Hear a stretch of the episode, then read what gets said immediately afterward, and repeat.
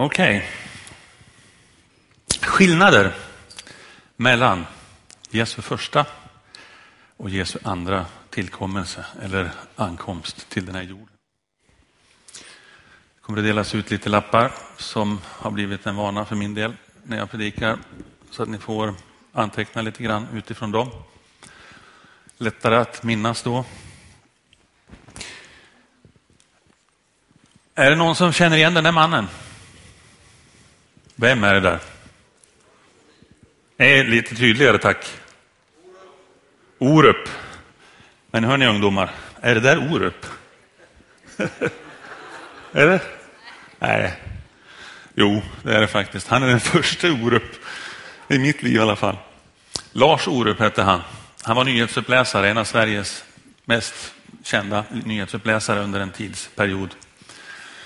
Och när de intervjuade honom vid ett tillfälle och, och, och sa så här, Lars, vad vore den häftigaste nyheten?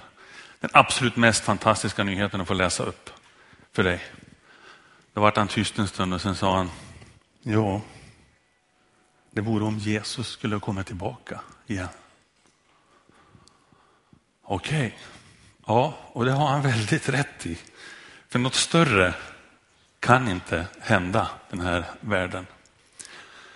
Nu ska vi titta på då några saker som skiljer Jesu första ankomst med Jesu andra ankomst till jorden. Och om vi tittar på den första och ser lite kännetecken där. Det står ju nämligen, jag får säga det också, i Bibeln står det ju en massa om Jesu tillkommelse. Det står om när han kom första gången i Gamla Testamentet som skrevs långt, långt, långt innan han kom. Och så står det om det i, andra, eh, i Nya Testamentet också då, mer om andra tillkommelsen då givetvis. Och det som sades i första delen i Gamla Testamentet, det slog in. Och det, var, det finns över 300 saker som skrevs om honom faktiskt. Som stämde sen när det väl hände. Och vet ni att det står faktiskt över 600 gånger om att han ska komma tillbaka. Säg någonting om vikten av det ämnet faktiskt. Likheterna mellan de här två tillfällena är inte så många egentligen. En likhet är givetvis att det handlar om att Gud kommer till jorden. Och det är väl den genomgående, den stora likheten i allt det här. Men om vi börjar med att titta på några praktiska skillnader, några synliga skillnader. Och så tittar vi då på vad som hände första gången. Vad hände då? Jo, han kom lugnt och tyst. Jesus kom född till ett stall. När vi har julkonsert i den här lokalen ibland så sjunger vi ofta Stilla natt. Heliga natt. Det var lugnt. Det var inte så mycket pådrag. Han föddes in i den här jorden precis som du och jag gjorde. Och det var knappt någon som visste att han hade kommit när han kom. Det var många som visste att han skulle komma, men inte riktigt när och inte var riktigt. Men de hade koll på att det här skulle hända. Men eh, när han väl kom, då var det inte många som visste det. Det fanns ett gäng herdar vet vi som visste det. Visa män från Österns länder som kom, några stycken. Och eh, givetvis Josef Maria och folk omkring där. Men det var inte så många, det var ganska litet. Själva ankomsten var rätt så tyst. Det står så här, idag har en frälsare fötts åt er i Davids stad. Han är Messias, Herren, och detta är tecknet för er. Ni ska finna ett nyfött barn som är lindat och ligger i en krubba. Man var tvungen att tala om och beskriva var han var någonstans och berätta det. Därför att det var inte så, hela världen såg det liksom inte samtidigt. Utan ja, vi beskriver vart man kan hitta honom och så får ni söka och så får ni se om ni finner Jesus när han har kommit från himlen till jorden. Okej, okay. Betlehem var inte så stort. Betlehem hade ungefär 300 pers räknar man med som bodde där, så det är inte särskilt stort. Så jag kan tänka mig att det var inte tio värdshus heller som sa nej, utan det kanske bara var ett. Eller ja, det är en spekulation bara. Men, men eh, när de väl fick plats i stallet så hände detta. Och om vi då tittar på andra tillkommelsen. Kommer han tyst? Kommer han lugnt? Nej, det blir världens pådrag. Alla på den här jorden kommer att höra detta. Det kommer inte att vara tyst när det här sker. Vad står det? Det står så här. Herren själv ska komma ner från himlen och man ska höra ett dånande kommandorop och ljudet av en överängels röst och Guds mäktiga basun. Någonting lossnade där med bilden. Vad skedde? Mitt i läsningen här. Tack. Och de kristna som har dött i tron på Herren blir då de första som får möta honom. Det blir ju en helt otrolig dag och det kommer inte att vara tyst någonstans på den här jorden just när det här händer. Världens liv helt enkelt. Vi går vidare. Vi kollar på en annan sak. Vad var det första som hände när det gäller det synliga? Ja, det står att det kom en stjärna, en extra stjärna på något sätt där som vägledde de tre vise männen, eller fyra eller sju eller hur många de nu var. De blev vägledda av den här stjärnan. Det var, det var det som hände på himlavalvet så att säga. Det var en stor grej tyckte man givetvis när man var med och såg det här. Många såg det säkert inte ens utan de låg och sov eller gjorde någonting annat och tänkte inte på det. Men det skedde i alla fall. Ska det vara så vid andra tillkommelsen? Nej. Oj, oj, oj. Fattar ni vilken dag det här kommer att bli? Ja, det gör inte jag i alla fall. Men jag inser att det kommer att bli helt otroligt. Det är ingen som kommer att stå där och sakna fyrverkerierna på Lidköpings torg.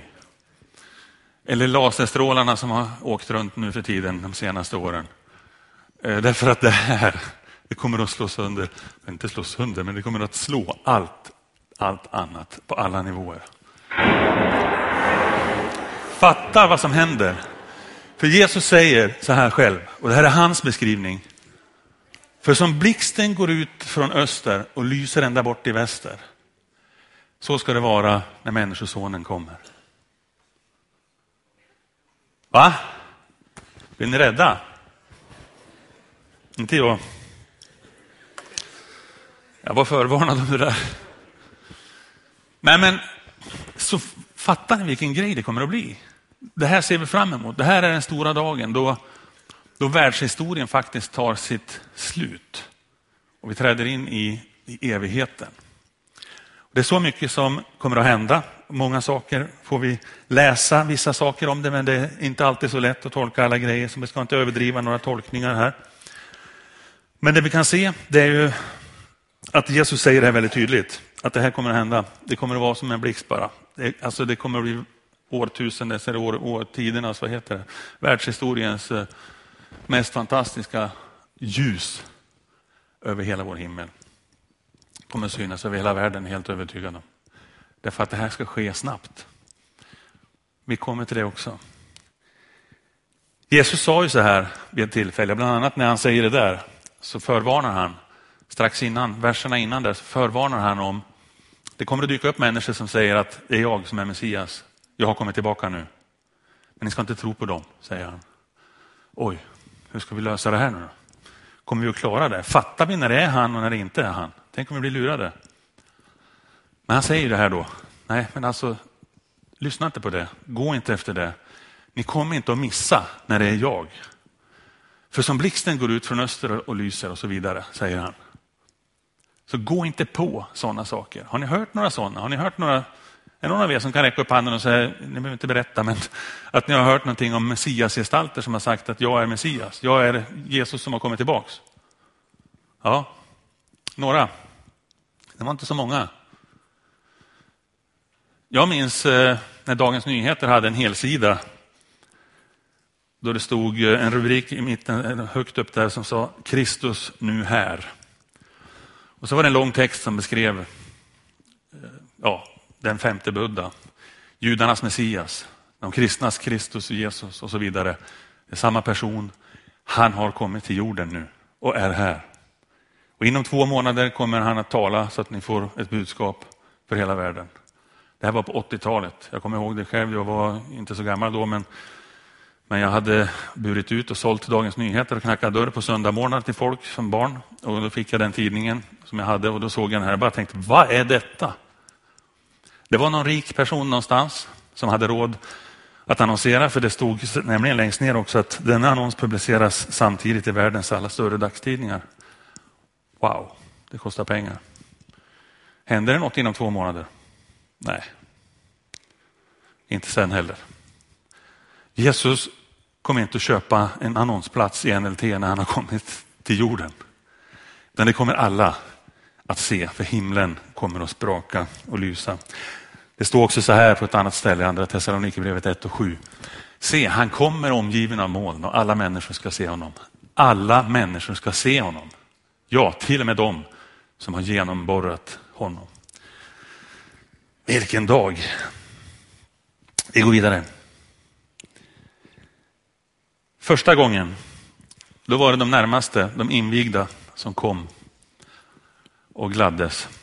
Det var ju det vi sa nyss, att det kom folk som gratulerade säkert och ville hälsa lite på det lilla Jesusbarnet. Eh, men sen tog det som sagt sin tid. Det var det mindre gänget som fick växa upp med honom och se vad, vad han utvecklades till. Och det tog år efter år efter år. Andra gången då. Alla inser direkt. Det var sant. Det var sant. Det var sant det de sa om Jesus. Man kommer att förstå det på en gång. Det står att alla knän ska böjas. Alla knän ska få bekänna att det är Jesus som är Herre. Va? Alla. I alla kyrkor. I alla idrottsarenor. I alla riksdagshus. Tänk alla politiker som är tvungna att böja sig bara och säga Jesus är Herre. Tänk alla stjärnor som tror att de äger halva världen för att de har gjort ett bra resultat på någonting. Eller som gör fantastiskt bra musik. Det är jättebra. Men de kommer få böja sig en dag. Om de inte har trott eller om de har trott så kommer de att förböja sig och säga Jesus, han är Herre, det var sant. Och den dagen ska vi se fram emot, inte vara rädda för. Det är något att se fram emot. En annan sak som skilde det första från andra, vi är kvar vid synliga praktiska saker. Det gick långsamt. Sakta men säkert så växte Jesus upp i samma takt som vi gör. Han fick också räkna dagar och veckor och år innan han fullt ut var i tjänst. Men han måste bli vuxen, han måste, liksom, han måste växa och det tog sin tid. Det här gav då också tid åt folk att lyssna, att ta ställning, att höra vad säger Jesus för någonting. Kan vi tro på det här? Stämmer det här? Är han Guds son? Eller är det bara någon, någon rebell som på, hittar på en massa saker? Eller vad ska vi tro egentligen? Man fick tid på sig till det. Vi har tid på oss till det. Tiden rullar för oss också. Den går väldigt fort på ett sätt kan man ju säga. Va? Plötsligt inser man att det var nio år sedan det, det där hände. Jag trodde det var för tre år sedan. Det går så fort, det gör det. Men det går ändå otroligt långsamt om vi ställer det i relation till andra tillkommelsen. Då blixtsnabbt, då kommer det att gå i ett ögonblick. Då har du ingen tid på dig att fundera. Då har tiden gått. Då har du haft all tid du egentligen behöver för att ta ställning till detta. Det här uttrycket som står i första Korinthierbrevet 15 det är, baseras på samma ord som det, det ordet at, atomo, vilket betyder odelbart egentligen i sin, i sin ords betydelse. Det är odelbart. Vi kan inte ens säga att det är en hundradels sekund eller någonting, utan det finns inget kvar. Alltså det, det ordet används för att det är så fruktansvärt snabbt det kommer att gå. Ett ögonblick, det är otroligt långsamt jämfört med vad det här är. Och nu spelar det på ett sätt ingen roll. Det skulle räcka om det var ett ögonblick, för det är också tillräckligt snabbt för att det ska vara blixtsnabbt som vi kallar det för. Plötsligt står det. Det står så här, Herrens dag ska komma oväntat som en tjuv om natten. Det är ett uttryck som har använts många gånger, både i Bibeln och i kristenheten, att det är en tjuv om natten. Alla skulle vara på sin vakt om de visste exakt när han skulle komma tillbaka. På samma sätt som de skulle vara beredda på tjuven om de visste när han tänkte bryta sig in. Därför ska ni alltid vara beredda. För Människosonen ska komma tillbaka när man minst av allt anar det. Och Det som gör det här hyperaktuellt och hett för dig och mig här nu idag. Det är att det finns inte en tiondel sekund för dig och mig att ändra oss. Det finns inga möjligheter att när det här väl har hänt säga att ja, men, lugna dig nu lite grann här, jag har ju funderat på det här lite grann. Utan har du din chans att ta ställning för honom och vill tillhöra honom så har du full möjlighet att göra det. Därför att han inbjuder till det, det är det han vill. Han vill att alla ska vara med. Han vill att alla ska bli frälsta, bli räddade. Han älskar varje person. Vi säger ju det jätteofta och vi menar det hela tiden. Därför att så är det. Han har inte en tanke att några ska liksom bli kvar på något sätt eller bli eh, straffade på ett eller annat sätt på det, och tappa himlen och tappa liksom hela... Det, det är det han har erbjudit oss alla. Men det kräver givetvis ett gensvar ifrån oss. Vi kan se genom Bibeln att i olika händelser kring Jesus så märker vi att det här är inte en helt vanlig människa bara. Det är någonting mer. Inte bara de under och tecken han gör, utan vi kan se hur hela naturen är med och spelar liksom i det som händer vid olika tillfällen. Till exempel vid korset. När, när solförmörkelsen dyker upp just då. Hur marken skakar, klippor rämnar.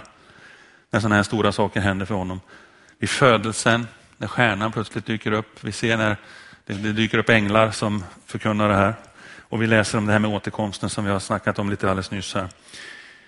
Och det, det här är ju grejer som eh, visar på något sätt också att han är inte och var inte en vanlig människa, utan han kom. Och nu går vi in på själen också, inte bara synliga skillnader, rent fysiska skillnader, utan motiv, orsaker, syfte med att han kom. Första gången, varför kom han då? Han kom för att rädda världen. Han kom för att rädda vår värld. Det var vitsen, det var målet, det var tanken. Och det var det han fullföljde fullt ut.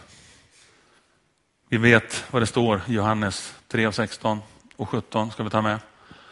Så älskade Gud världen att han gav den sin enda son för att den som tror på honom inte ska gå förlorad utan ha evigt liv. Gud sände inte sin son till världen för att döma världen utan för att världen ska bli frälst genom honom. Okej? Okay? Vi talar om Jesu första tillkommelse nu och det är det här som det syftas på. Andra gången han kommer, tror ni att han ska komma för att rädda världen igen? Fel. Han kommer för att döma världen.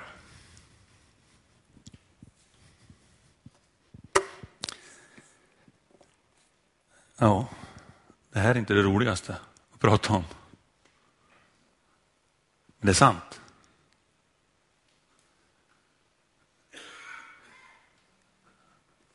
Som bibelläsare eller som predikant så kan du välja liksom att hoppa över dina stycken om du vill. Men det är inte riktigt ärligt och det är inte riktigt rätt att ta hand om bara vissa delar och sen hoppa över det som är jobbigt eller det som är svårt. Då blir det fel. Det här är en tyngre grej att tänka på och att lyssna in bibelställen och bibelorden om det här. Men de står där lika fullt och de finns på flera olika ställen som berättar att det här kommer att ske. När han kommer tillbaka andra gången så är det inte återigen för att skapa en frälsningsväg, för det har han redan gjort. Den vägen finns redan öppen för oss och den finns hela tiden för oss. Den finns idag, den fanns igår, den finns imorgon om vi får det imorgon. Men vad står det då? Det står så här i Apostlagärningarna att han har nämligen bestämt en dag då han ska döma världen med rättfärdighet genom en man som han har utsett. Och han har erbjudit tron åt alla genom att uppväcka honom från de döda. Vem är detta? Det är Jesus såklart. Det är Jesus som kommer för att döma världen. Men han har ju skapat en väg för dig och mig till att inte bli dömda. Vem gäller den? Vem kan ta del av den? Den som vill. Alla som vill.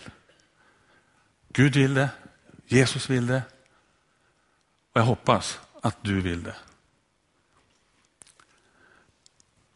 Gud är kärlek, det brukar vi säga och det är sant, verkligen. Och Gud är helig. Gud är rättfärdighet och Gud är sann. Och Gud är rättvis. Så Gud, han är den som räddar och dömer. I domen kan du få frikännande tack vare Jesus och det han har gjort. Det var därför han kom första gången. Men vill du inte det? Eller bestämmer du dig för att nej, jag klarar mig själv? Jag struntar i Gud, jag, jag bryr mig inte om Jesus. Men då, då, får, då har du inte den delen. Så är det bara, vare sig vi vill det eller inte. Vare sig det är populärt att, att tala om det eller inte. Vare sig det gör ont i dina öron eller inte när jag säger det. Så är det faktum. Men det fokus vi vill lägga det är naturligtvis på att han vill rädda. Han vill frälsa. Kommer ni ihåg? Nej, en del kommer att komma ihåg. Men jag vet att många är för unga för det. Men eh, bron nere vid Tjörn när den rasade, när det var en båt som åkte in i den. Minns ni det?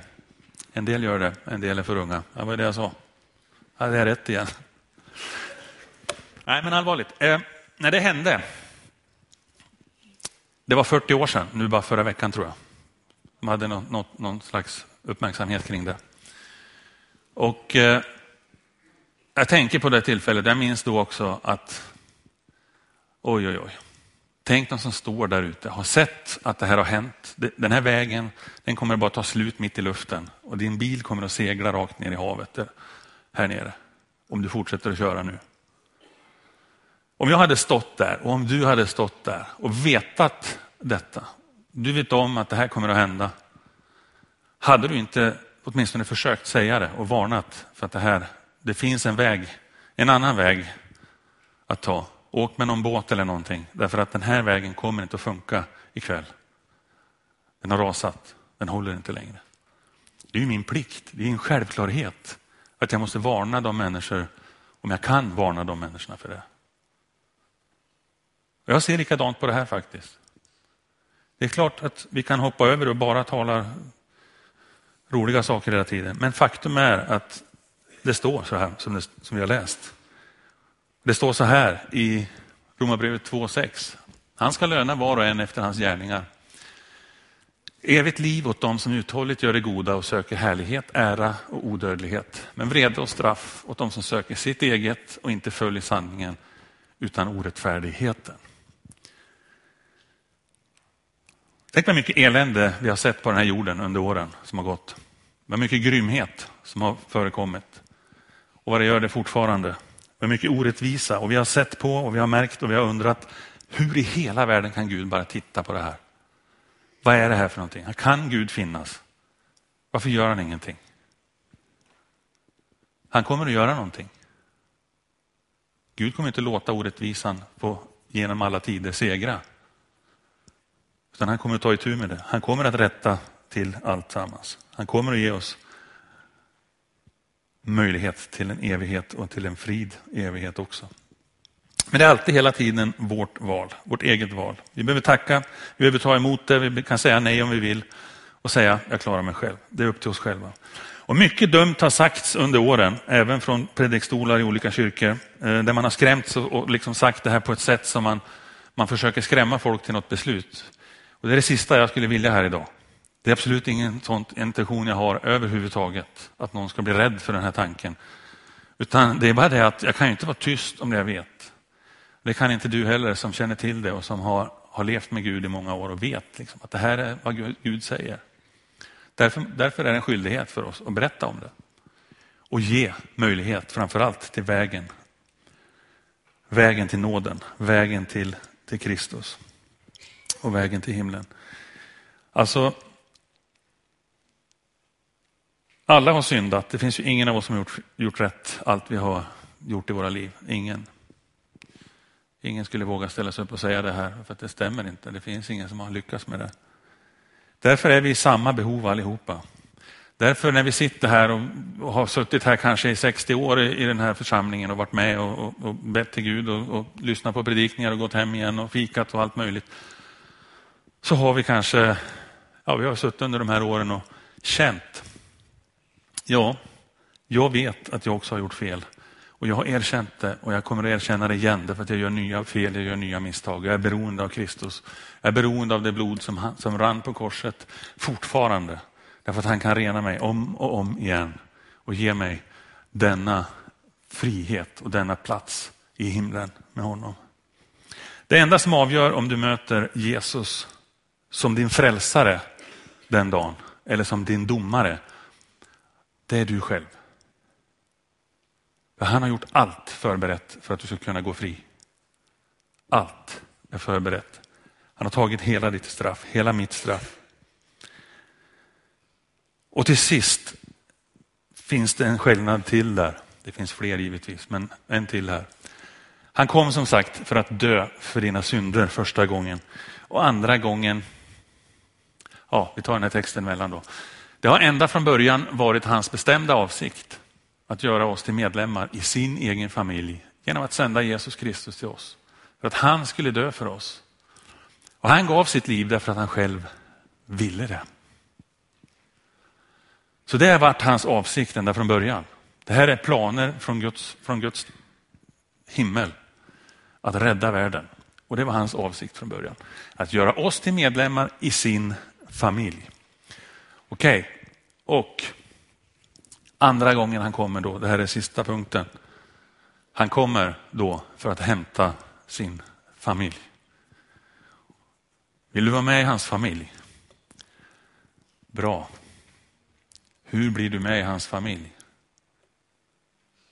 Du tackar Gud att han sände Jesus. Du tackar Jesus för att han gav sitt liv för dig. Du tackar för att han faktiskt förberedde vägen fullt ut in i evigheten. Och det är bara nåd. Men jag är ju så kass, jag gör mina fel, jag gör mina brister. Yes, vi vet, jag med. Jag vet, jag med, verkligen. Men han tar emot oss och bara nåd. Det är inte för att jag gjorde det tillräckligt bra. Det är för att han har gjort det för oss. Matteus 24.31. Till ljudet av mäktiga trumpetstötar ska jag sända ut mina änglar. Och det är Jesus som säger det här själv. Och de ska samla in mina utvalda från jordens och himlens yttersta gränser. Amen.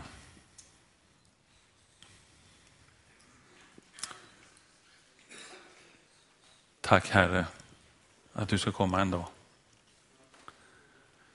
Jesus, jag tackar dig att den dagen ska bli en fantastisk, strålande dag.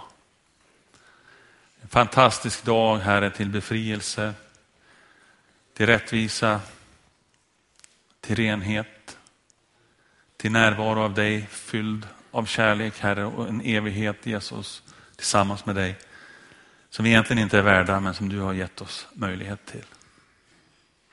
Tackar dig Herre för alla mina vänner som är inom hörhåll idag via radion eller via nätet eller här i lokalen.